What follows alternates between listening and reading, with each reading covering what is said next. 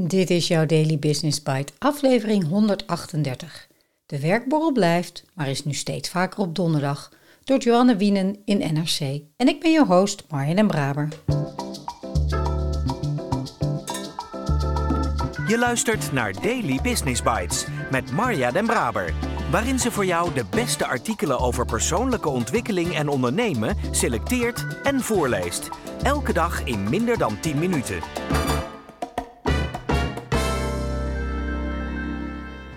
De vrijdagmiddagborrel was op veel kantoren vaste prik. Nu is vrijdag een populaire thuiswerkdag. Wat betekent dat voor de borrelcultuur? En is samen borrelen naast gezellig eigenlijk ook nuttig?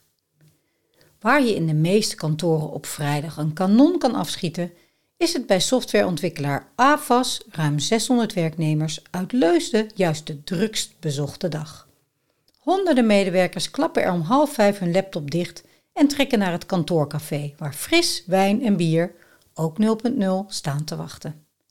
Deze happy hours vinden wekelijks plaats en telkens regelt een andere directeur dat twee of drie medewerkers vertellen wat zij die week voor bijzonders hebben meegemaakt.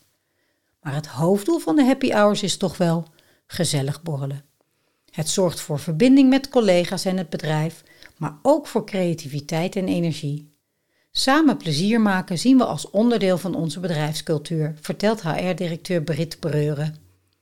In 2019, vlak voor de coronacrisis uitbrak, vroeg vacaturesite Indeed 1000 medewerkers en 500 werkgevers naar de organisatiecultuur binnen hun bedrijf. 9 van de 10 ondervraagde werkgevers gaf daarbij aan dat het periodiek organiseren van een bedrijfsborrel voor een productieve werksfeer zorgt. Na analyse van duizenden vacatures bleek dat steeds meer bedrijven gezellige borrels in hun werving noemden om kandidaten te lokken. Het woord borrel werd in 2019 90% vaker genoemd in vacatures dan in 2017. De bedrijfscultuur van de werkgever is steeds belangrijker voor werknemers en daar dragen bedrijfsuitjes of borrels natuurlijk aan bij, zei managing director van Indeed Benelux Sander Poos destijds. Tijdens de pandemie hebben die borrels en uitjes bij veel bedrijven stilgelegen. Heeft de coronacrisis de borrelcultuur binnen bedrijven veranderd? AFAS HR-directeur Breuren. De coronamaatregelen hebben ervoor gezorgd dat mensen het fijn vinden om thuis te werken en misschien zelfs een beetje vergeten zijn dat het ook leuk kan zijn om op kantoor te werken en verbinding met collega's te voelen. Mensen die in coronatijd bij het softwarebedrijf in dienst traden, wisten vaak niet hoe de bedrijfscultuur was voor de coronacrisis. Inmiddels is hybride werken bij AVAS de norm. Gemiddeld werken medewerkers twee dagen per week op kantoor. Dat is zo gegroeid, want we laten onze medewerkers daarin heel vrij.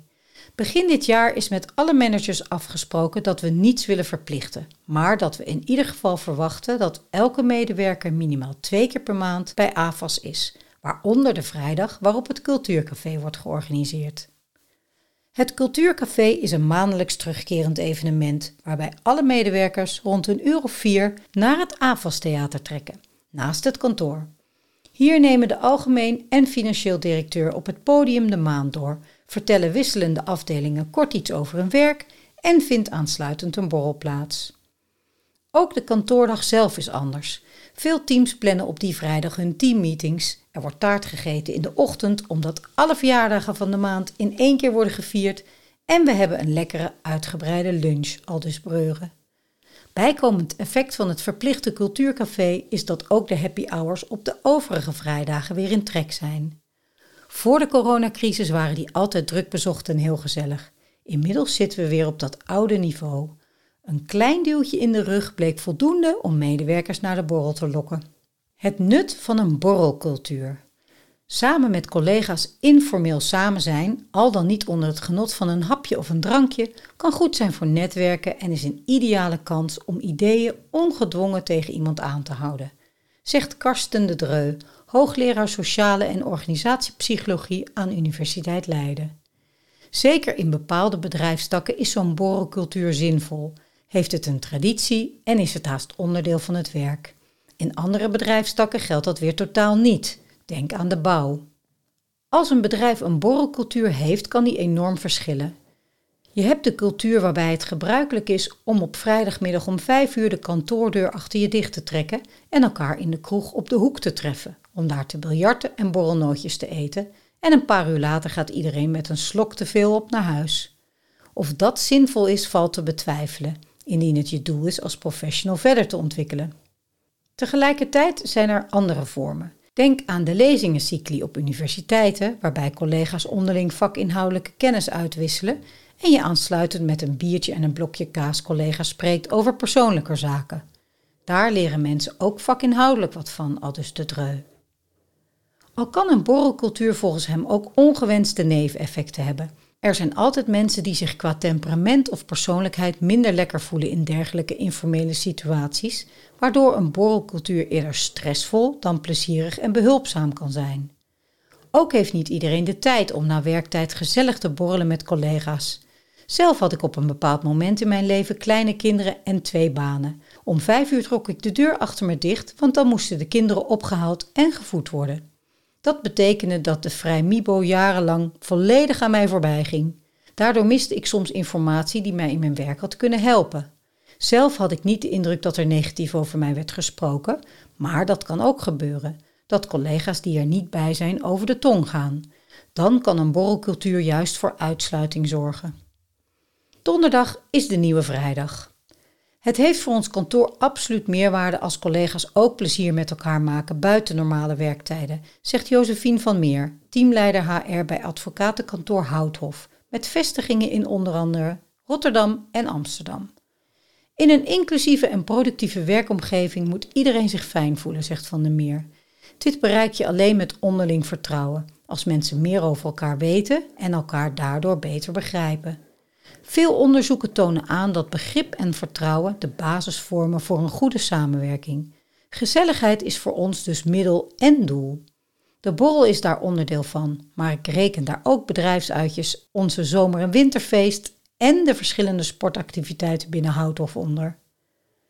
Houthof organiseert aan het einde van elke vrijdag een kantoorborrel. Veel partners en managers gaan daar met hun team heen om de week af te sluiten.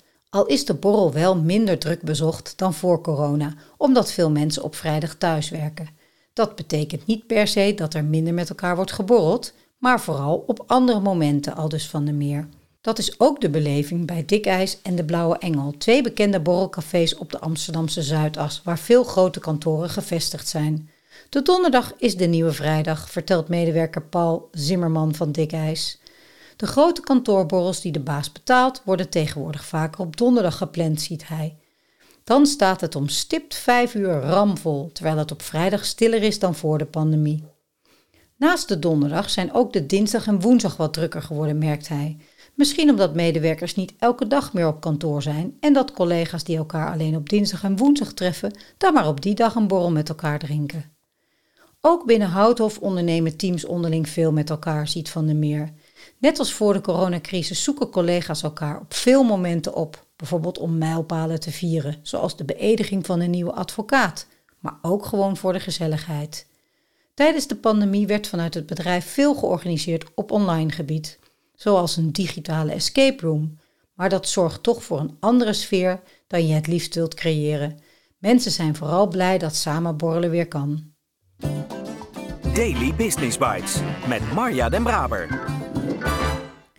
Je luisterde naar De Werkborrel blijft, maar is nu steeds vaker op donderdag door Johanna Wienen.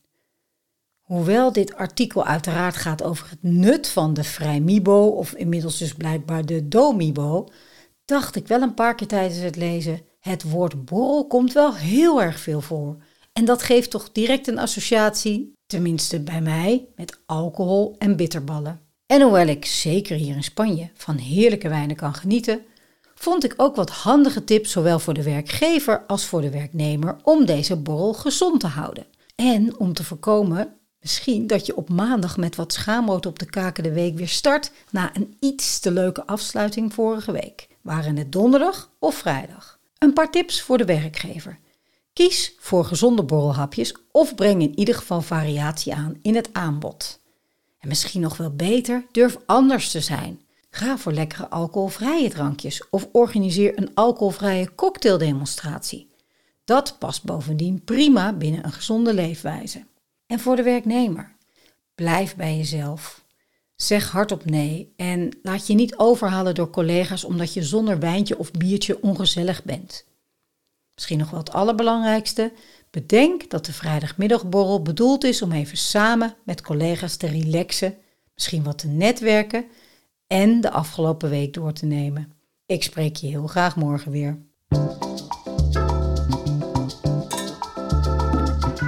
Dit was Daily Business Bites. Wil je vaker voorgelezen worden? Abonneer je dan op de podcast in je favoriete podcast-app. Meer weten? Klik op de links in de show notes.